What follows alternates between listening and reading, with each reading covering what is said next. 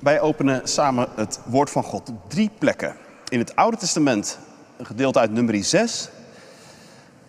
Uit het Evangelie van Lucas, hoofdstuk 2, vers 21. En uit het Bijbelboek Handelingen, hoofdstuk 4, vers 8 tot en met 12. Horen wij het woord van God. De Heer zei tegen Mozes: Zeg tegen Aaron en zijn zonen dat zij de Israëlieten met deze woorden moeten zegenen.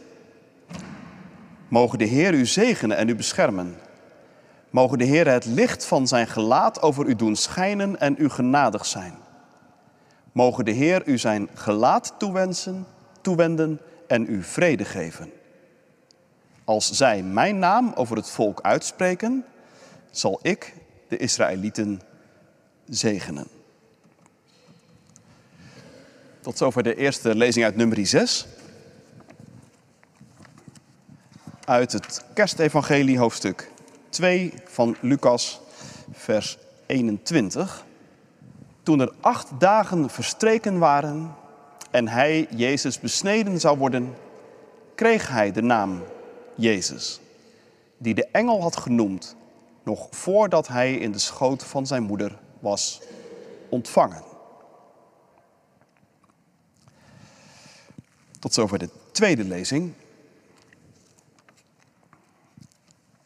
En uit het Bijbelboek Handelingen, hoofdstuk 4.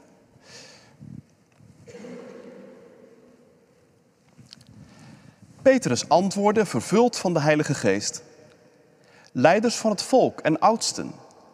Nu wij vandaag worden verhoord omdat we een zieke hebben geholpen en nu ons wordt gevraagd hoe het komt dat hij is genezen, dient u allen en het hele volk van Israël te weten dat deze man hier gezond voor u staat, dankzij de naam van Jezus Christus uit Nazareth, die door u gekruisigd is, maar die door God uit de dood is opgewekt. Jezus is de steen die door u, de bouwlieden, vol verachting is weggeworpen, maar die nu de hoeksteen geworden is. Door niemand anders kunnen wij worden gered. Want zijn naam is de enige op aarde die een mens redding biedt. Woord van God. In de verkondiging staan we stil bij deze combinatie van drie lezingen die vandaag door het leesrooster van de kerk wordt aangereikt voor de eerste dag van het nieuwe jaar. De verbindende schakel tussen die drie lezingen, misschien viel het je al op, is natuurlijk het woordje naam. De naam van God, de naam van Jezus. What's in a name heb ik dan ook maar even boven de preek gezet. Gemeente van Christus, broeders en zusters hier in de kerk of op afstand met ons verbonden. Als Jezus acht dagen oud is, wordt hij besneden. Net zoals dat met alle andere Joodse jongetjes in zijn tijd gebeurde en nog altijd gebeurt, tot op de dag van vandaag. Acht dagen oud. De achtste dag dus. En dat is in de Bijbel een dag met een speciale betekenis. Wij kennen allemaal de wekelijkse cyclus van zeven dagen, die teruggaat op Genesis 1. En na zo'n cyclus van zeven dagen beginnen wij weer overnieuw te tellen bij één. En zo leven we ons leven van week tot week. Maar zo af en toe wordt in de Bijbel de eerste dag van een nieuwe week de achtste genoemd. En die achtste dag die duidt dan altijd op een bijzonder en nieuw begin. Het Loofhuttenfeest bijvoorbeeld. Dat heeft na de zevende dag nog een achtste dag een, een extraatje. En toen de eerste christenen de zondag begonnen te vieren, beleefden ze die als een achtste dag. De zevende dag was de Sabbat, de rustdag, de dag van de vervulling. Maar de achtste dag, dat was de dag van de opstanding, de dag van Pasen, de dag van het nieuwe begin. Fascinerend om daar zo even wat over na te denken op de eerste dag van het nieuwe jaar. Of moet je misschien zeggen de achtste dag. Als je rekent vanaf het kerstfeest wel. dan is vandaag 1 januari de achtste dag. En het is dan ook niet voor niks dat de leesroosters van de kerk ons op deze dag stilzetten bij de besnijdenis van Jezus. De achtste dag na het kerstfeest, de eerste dag van het nieuwe jaar. Ik hoop dat je al een beetje aanvoelt hoe betekenisvol dat is. Als 1 januari alleen maar de eerste dag van het nieuwe jaar zou zijn, dan zou dat toch een beetje mager zijn. Natuurlijk, het is altijd goed om aan het begin van een jaar bij elkaar te zijn, om samen te bidden, God zegen te vragen. Maar het evangelie van vandaag vertelt ons ook dat er nog meer aan de hand is. Dit is niet alleen de eerste dag van weer een nieuw kalenderjaar. Dit is ook de achtste dag. Natuurlijk zijn we met elkaar vanmorgen wakker geworden in een wereld die niet wezenlijk anders is dan de wereld van gisteren en van eergisteren. En hoezeer dat ook waar is, toch, zegt de Bijbel, is dat niet het hele verhaal. Dit is ook een achtste dag. Dit is een dag die ons vertelt dat we niet gevangen zitten in een eeuwige kringloop van weken en jaren. Maar dit is een dag die ons eraan herinnert dat God een nieuw begin heeft gemaakt. En dat ook het jaar 2023 in het licht staat van Pasen. En ons dichter bij de grote morgen van de opstanding zal brengen.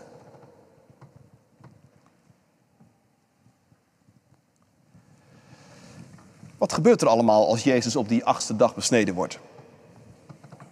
Hij krijgt dan, net als andere Joodse jongetjes, het teken van het verbond. Jezus' leven staat daarmee vanaf het allereerste begin in een groter verband. Het verband van Gods verbond met Abraham. Je kent misschien die tekst uit Genesis. Ik zal jou zegenen, had God tegen Abraham gezegd. En ik zal je tot een groot volk maken. En dat niet alleen maar voor jouzelf, nee, in jou wil ik alle volken van de aarde zegenen. En net als het leven van Abraham en het leven van iedereen die in dat verbond van God wordt binnengebracht, is ook het leven van Jezus bedoeld om tot zegen te zijn. Niet alleen voor een kleine kring, maar voor alle volken.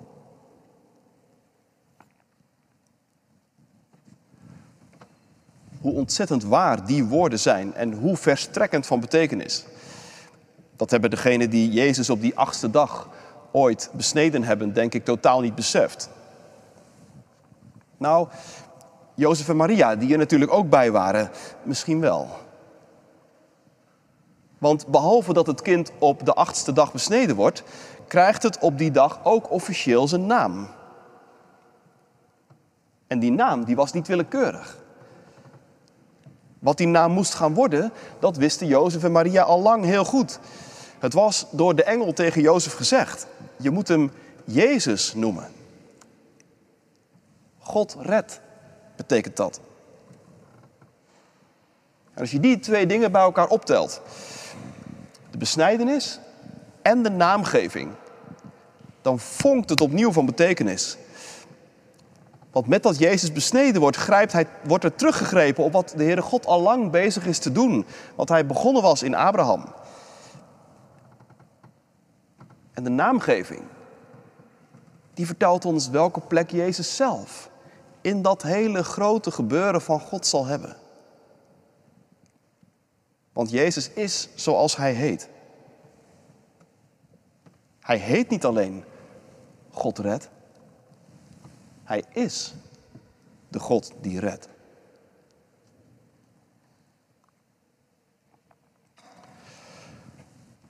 God redt. Goed om ook nog even apart stil te staan bij dat woord, redden. Want moeten wij gered worden dan? Ik ben benieuwd wat jij op die vraag zou antwoorden. Ik merk van tijd tot tijd in gesprekken dat het woord redding nog best wel wat innerlijke weerstand oproept.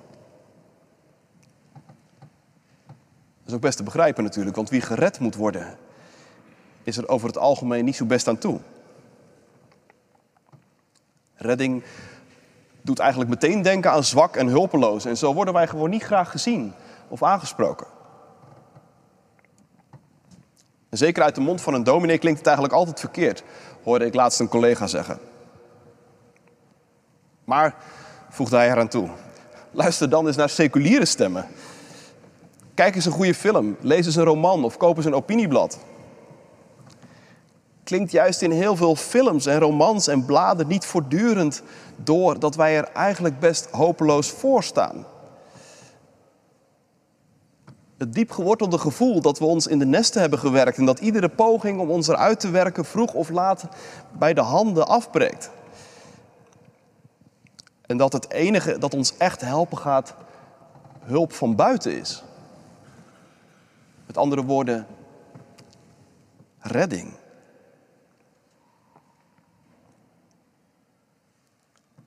Zo'n seculiere stem die roept om redding, is bijvoorbeeld die van de Brits-Ierse denker Paul Kingsnorth. Misschien ken je zijn naam. Hij zette zich jaren in als klimaatactivist en was in die tijd ook intensief bezig met wicca en hekserij. Twee jaar terug vond hij Jezus en liet hij zich dopen. Of beter gezegd, Jezus vond hem. Maar al veel eerder, in de tijd dat hij het christendom nog een verrotte religie noemde, zei hij over zichzelf al: I am lost. Ik ben een verloren mens. En als je goed luistert in de cultuur om je heen, is hij niet de enige die dat soort dingen hardop zegt.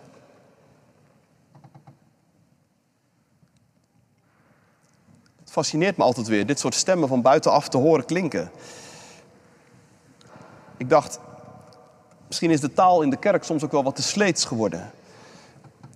Of zijn we met elkaar gewoon te keurig? Is het veilige en het comfortabele ons zo lief dat we eigenlijk amper meer in de afgrond durven te kijken? Terwijl er rondom ons heen stemmen zijn die dat wel durven en die de diepte ervan aanvoelen.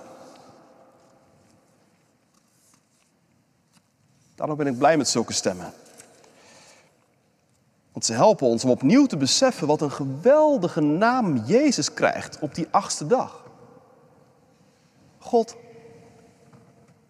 red.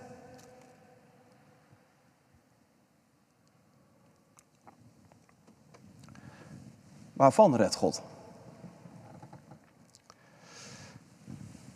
Daar zou natuurlijk heel veel over te zeggen zijn. Maar vanmorgen probeer ik het te doen vanuit Handelingen 4. Dus laten we even een sprong maken naar dat Bijbelgedeelte. Een prachtig stukje uit het evangelie van na Pinksteren, waarin alles opnieuw draait om de naam van Jezus. Dat is de naam waardoor wij gered moeten worden, zegt Petrus. En geen andere naam zal dat ooit zo kunnen.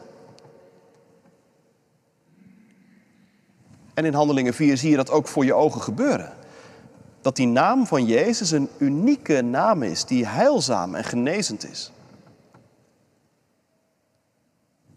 In de naam van Jezus worden door Petrus en Johannes mensen opgericht.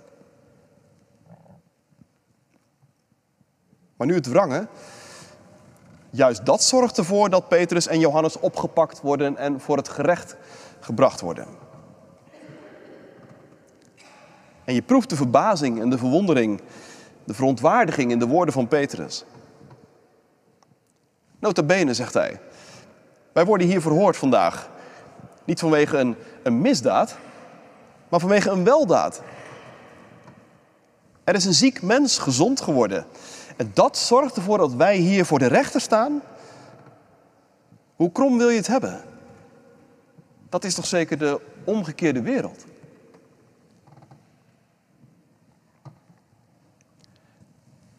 Ja, natuurlijk is dat de omgekeerde wereld. Maar die omgekeerde wereld is wel precies onze wereld.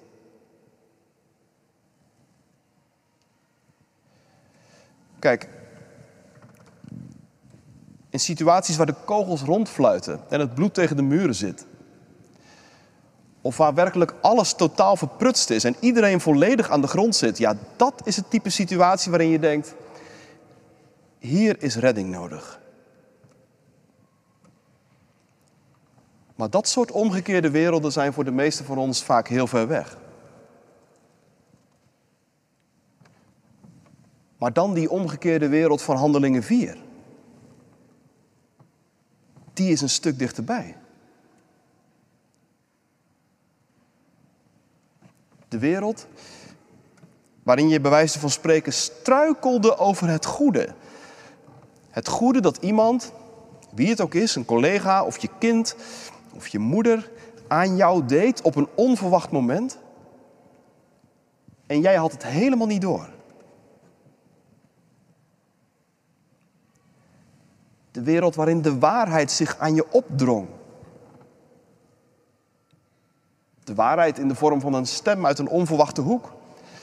Een nieuwsbericht, een getuigenis. Terwijl jij het op dat moment helemaal niet zag. De wereld waarin oprechte en pure schoonheid voor je stond. Schoonheid, scheppingspracht. De ogen van een kind. Dauwdruppels op een herfstblad.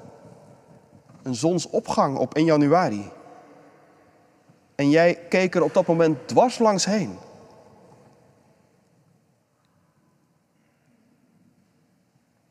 Soms kom je daar op een later moment achter en denk je, waarom zag ik het niet? Waarom voelde ik het niet? Waarom hoorde ik het niet? Waarom lukte het me niet om in al die dingen iets van Gods aanwezigheid te ontdekken, terwijl die zo om de hoek lag? Waarom was ik weer eens net als die bouwers die een steen achterloos opzij gooiden, maar ondertussen was het de hoeksteen? Die omgekeerde wereld van Handelingen 4, die is voor ons veel dichterbij. En als ik weer eens een keer zo'n moment meemaak, en dat gebeurt me veel vaker dan me lief is eigenlijk, dan zijn dat eigenlijk de momenten waarop ik zelf het diepste besef, ik moet echt gered worden.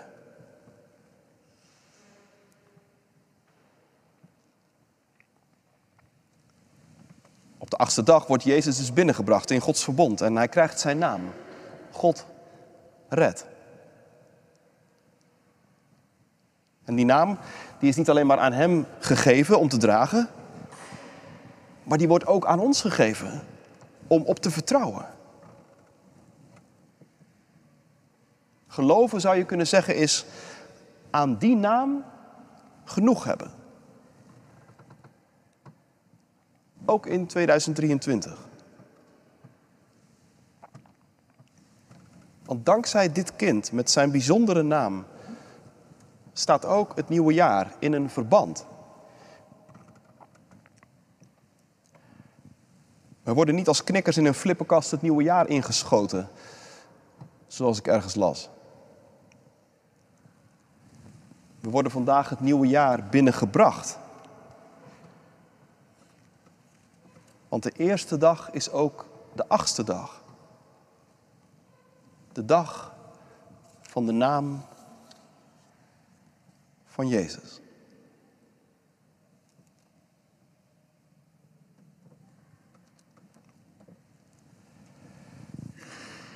En die naam van Jezus, die is heel nauw verbonden met de naam van de eeuwige God. En dat brengt ons tenslotte nog even bij nummer 6. Want de God die in Jezus naar ons toekomt en die tegen ons zegt, hier ben ik, jouw redder.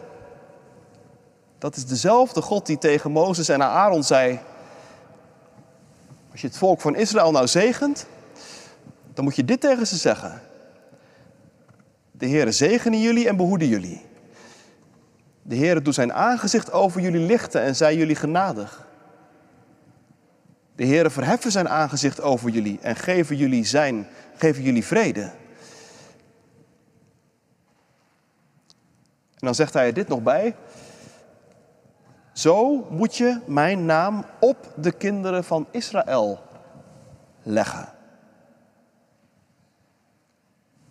kwam in de nieuwe Bijbelvertaling niet helemaal zo duidelijk naar voren, maar zo staat het er.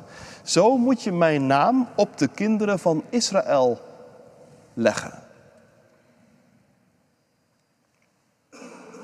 Mijn naam op de kinderen van Israël leggen. Dat is in de eerste plaats een taak voor Aaron en voor zijn zonen. Voor de priesters dus. Maar ik denk niet dat het te veel gevraagd is als we dat vanmorgen ook een beetje op onszelf betrekken. De gemeente van Christus, zegt de apostel Petrus, heeft ook een priesterlijke taak, een priesterlijke roeping. En daarom betekent het heel veel dat ook hier, vanaf deze plek, elke week Gods naam op jou wordt gelegd. Je wordt gezegend. Ook vandaag. In de naam van God de Vader, onze Schepper. In de naam van God de Zoon, Jezus, onze Redder. In de naam van God de Heilige Geest, onze Vernieuwer. Die God, zegt de zegen, zal ons behoeden. Je kunt ook vertalen bewaken.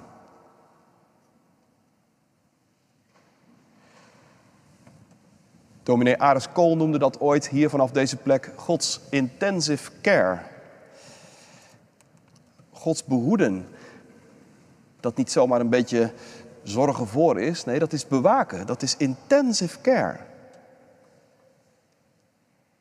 En die God schijnt zijn licht over ons. Een licht van genade en vrede.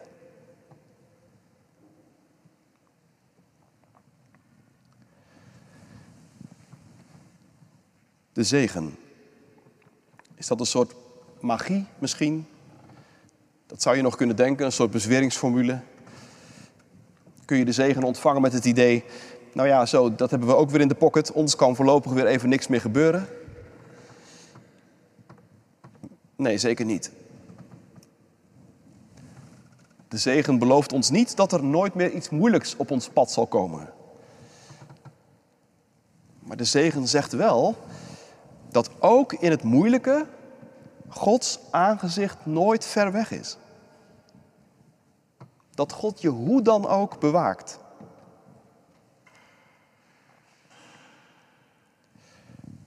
Misschien wordt 2023 een moeilijk jaar. Best kans.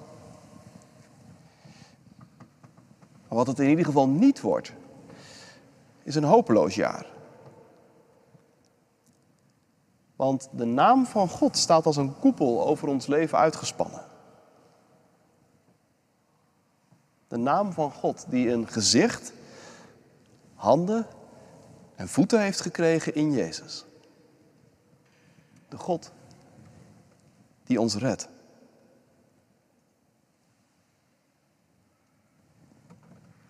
Stel je eens voor dat dit in 2023 een plek is waar genade en vrede de dienst uitmaken.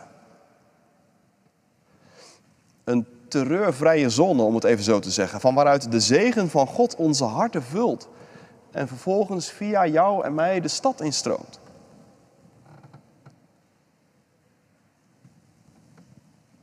Een plek waar we ook het moeilijke wel in de ogen durven te kijken. En ook met elkaar over complexe dingen durven te praten. Eerlijke vragen aan elkaar durven te stellen. En daar niet bang voor zijn. Juist omdat we weten dat er een God is die redt. Die zijn aangezicht over je doet lichten. Je met genade en vrede tegemoet komt. Met de naam. De naam van Jezus. De naam die ons altijd weer goed en vertrouwd in het oor klinkt. Gods naam. Die ons geloven doet dat Hij ons reddend voorgaat. Amen.